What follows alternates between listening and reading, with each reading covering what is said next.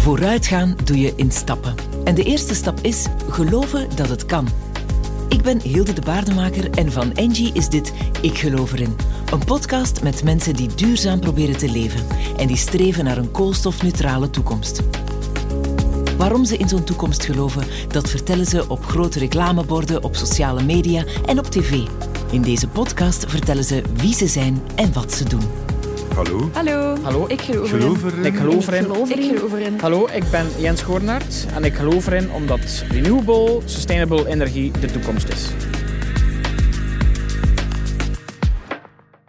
Hey Xander. Hey, dag Hilde. Xander, dit is de laatste aflevering van Ik Geloof Erin. Ja. Waar ben je deze keer geweest? Op een plek waar het zo klonk. Oeh, dat is Ja. eh, stevig. Best wel. Eh, Ik ben voor de laatste aflevering naar Engie in Hoboken getrokken. Ik ben hier toegekomen op de grote site van Engie. Naar een plek waar ze onderstations bouwen voor windmolenparken op zee. Het is hier eh, vrij druk. Je moet je daar een, een werfterrein bij voorstellen waar een enorme hal op staat. Ze zijn hier aan het werken. En in die hal maken ze dus die onderstations. Vrij veel lawaai ook.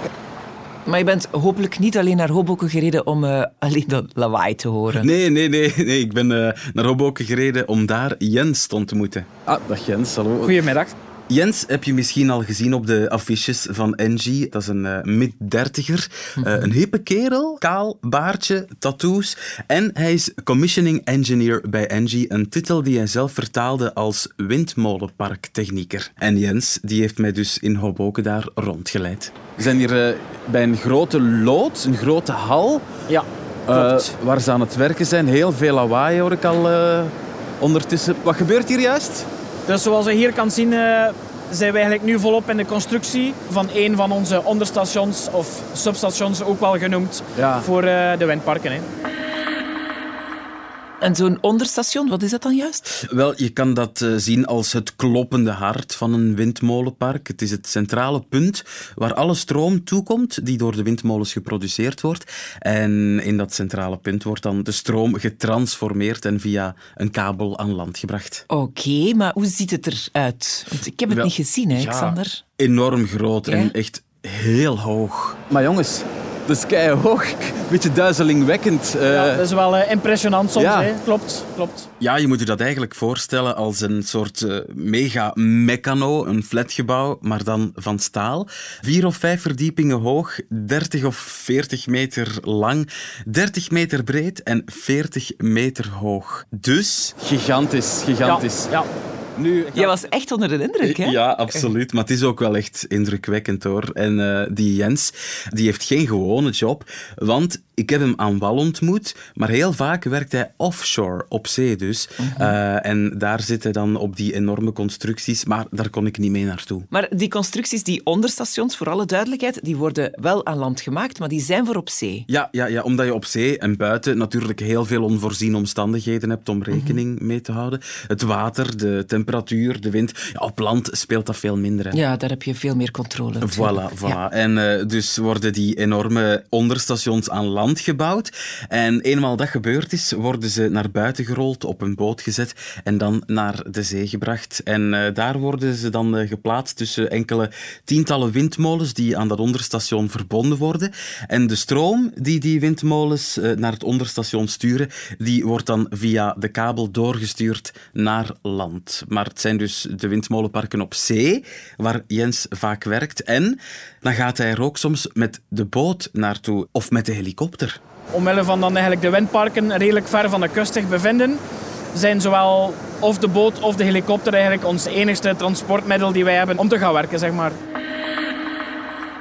En dat werk van Jens, wat moet ik me daar precies bij voorstellen? Wel, hij zorgt als commissioning engineer voor wat je het dagdagelijkse onderhoud zou kunnen noemen van de installaties. Een beetje zoals het onderhoud van technische installaties in een fabriek, maar dan op zee. En daar kan je dan ook logeren op die... Nee, meestal niet. Dus ehm, het is allemaal redelijk basic. Dus er is wel een keuken eh, beschikbaar, er zijn toiletten, eventueel ook douches, maar meestal wordt er niet gelogeerd op die stations, nee. Oké, het is geen vijf-sterren hotel Nee, nee, nee, om op dat zeker vakantie niet. te Dat gaan. zeker niet. wordt. Vooral, eh, vooral gewerkt. Maar eh, hoe lang blijf je dan meestal zo op zee? Wij werken meestal in shifts ook.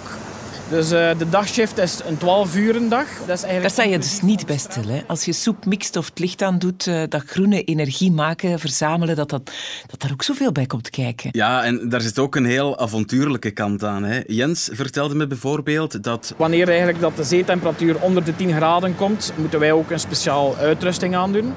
Die ons beschermt, moest het geval zijn dat wij in het water vallen, om ons toch wat warm te houden.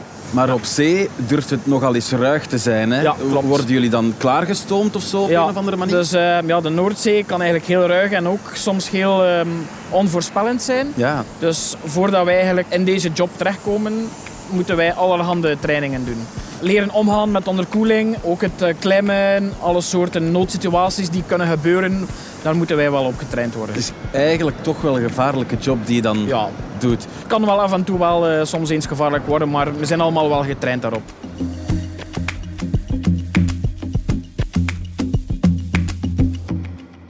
Van Jens kun je dus zeggen dat hij echt wel helemaal voor een groene toekomst gaat. Hè? Hij heeft er zijn job van gemaakt, maar eh, als ik het aantal windmolens zie, eh, ondertussen moeten er wel heel veel Jensen zijn, niet? Ja, ja, absoluut. Ja. Eh, en ik heb bij Angie in Hoboken nog een van die Jensen gesproken. Eh, iemand die Siegfried heet. Siegfried van Hevel.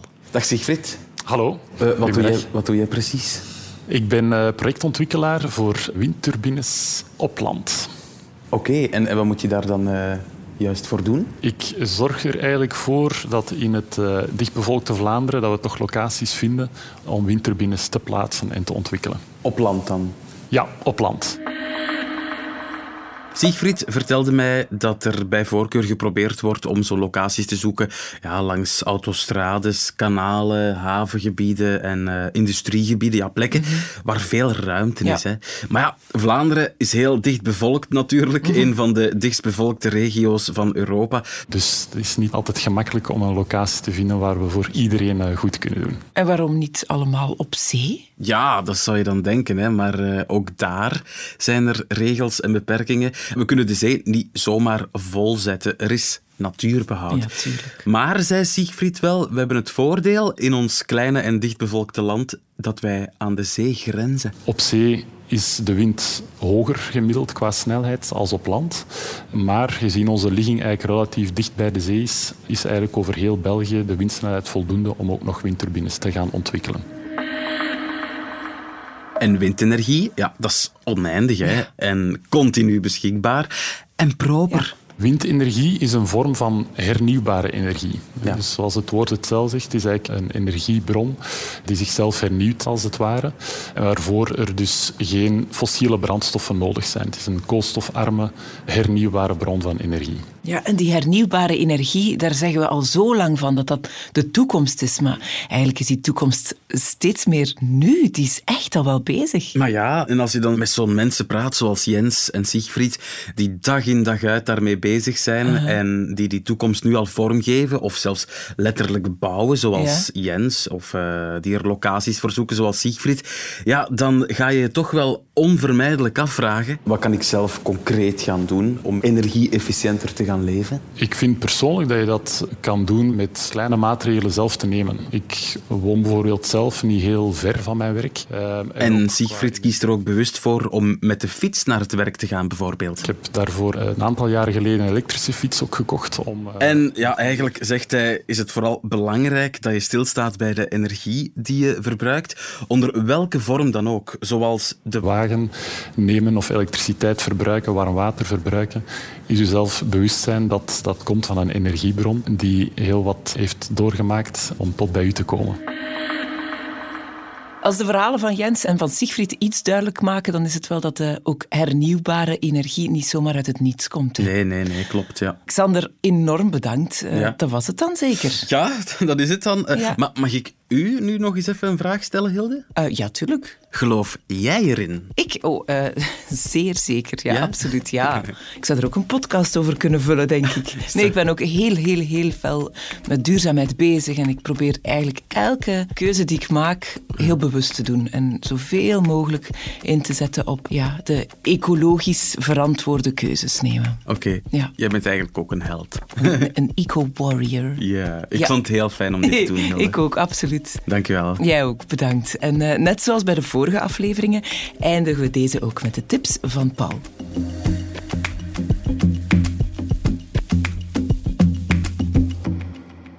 Dag Paul, leuk dat je er weer bent. Uh, Paul is onze energie-expert bij Engie. Goh, het is vandaag de laatste keer alweer. Uh, wat heb jij opgestoken vandaag? Wel, uh, dat het goed is om met de fiets naar het werk te gaan. Met de helikopter is misschien ook wel leuk. ja. Maar voor een duurzame toekomst is het toch beter als we met z'n allen de fiets nemen of elektrisch rijden. Ja, absoluut, dat is zo. En welke tips heb je nog voor ons vandaag? Wel, de basistip is eigenlijk vrij eenvoudig. Tracht zoveel mogelijk je energieverbruik te beperken. Mm -hmm. En dat is iets dat je eigenlijk sneller kan toepassen dan dat je zelf denkt.